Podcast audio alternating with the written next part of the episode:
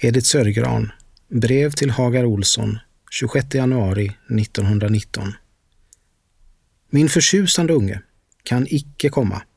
Sömnlöshet, lungsot, kassan tom. Leva på försäljning av möbler och husgeråd.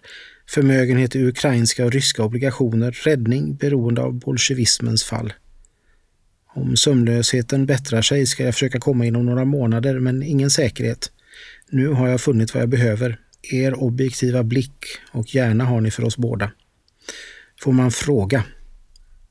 Arbetar ni för saken i allmänhet eller vill ni träffa vissa individer? Giv en lista på dem. Jag ville fånga vissa själar. Hemmer till exempel att sjunga för saken och Gråtenfält att sjunga eller raspa. Ragnar Ekelund står icke i mina beräkningar. Jag håller på Severjanins åsikt att om en talang är en smula tråkig är han icke genialisk nog. Igor Severjanin är för närvarande Rysslands största lyriker. Har sett honom på deklamationssoaré och aldrig talat med honom. Men han är den till vilken jag haft ett liknande förtroende som till er. Han är en mycket stor kraft och bör ligga färdig för våra idéer. Men vi bör först ordentligt uppfostra honom. Han har nog tingeltangelfasoner och kan icke hava hand om sig själv. Han blir bron till Ryssland. Med honom får vi nog det finaste Ryssland på benen. Vad tänker ni om Sverige? Ska det gå där? Vi får säkert tag i Europa en vacker dag. Talar ni muntligen till enskilda och ämnar ni göra det? Severjanins bästa dikter borde ni läsa. Det skulle vederkvicka er. Ehuru han är djupt inne i boudoiren och våra höjder finner ni tills vidare ej hos honom. Jag har blivit omfödd i september, därav septemberlyran. Jag kände plötsligt med osviklig säkerhet att en starkare hand hade fattat min pensel. Hur gammal är ni? Hälsa? Nerver? Jag önskar att ni vore frisk och orkade. Giv kort biografi. Fru eller fröken? Lärdomsgrad? Jag. Residens? Raivola? Petri Schülerin? Lungsot vid 16 års ålder? Numela, Davos, konstgjord pneumothorax, väntar på tuberkulosmedlets uppfinning.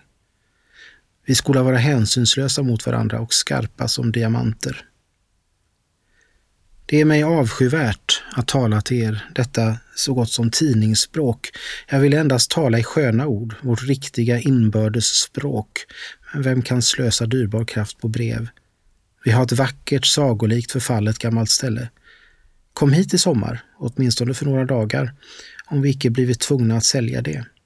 Vi kunna ligga i gräset och ta solbad och prata och skvallra. Vi har ett stort gammalt ruckel till hus, obeboeligt om vintern men kunde om sommaren passa fabelaktigt väl till en kokos för vårt folk från Finland och Ryssland. Vi kunde ha en gudomlig fest med druckna tal. Jag har en afton varit tillsammans med Hemmer och Gråtenfält och det hör till de vackraste minnen i mitt liv. Jag längtar att ibland få vara i lämpligt sällskap. Vi kunde här husera som i Gösta Berlings saga och tänk vilket välsignat ställe. Svårt att uppdriva ett nummer av Huvudstadsbladet och våra närmaste grannar har först nyligen erfarit att jag överhuvud skriver. Endast hälften av dikterna jag sände hörde till Septemberlyran. Runar Schilt har troligen blivit konfys av dikterna och icke förstått sig på dem ett dugg. Han är nog oskyldig. Ack, det vore roligt att komma till er. Jag skulle flyga upp för trapporna. Jag har en syster och har icke hört hennes underbara stämma. Jag vill se ert inre, allra heligaste. Det värmer mitt hjärta att gamlingarna uppträtt till mitt försvar. Jag ska skriva mina kärleksbrev till dig, Hagar, när jag är i stämning. Nu har jag en egen, för hela livet. För två år sedan gjorde jag en dikt. Varje strof började med ”Jag vill en lekkamrat”.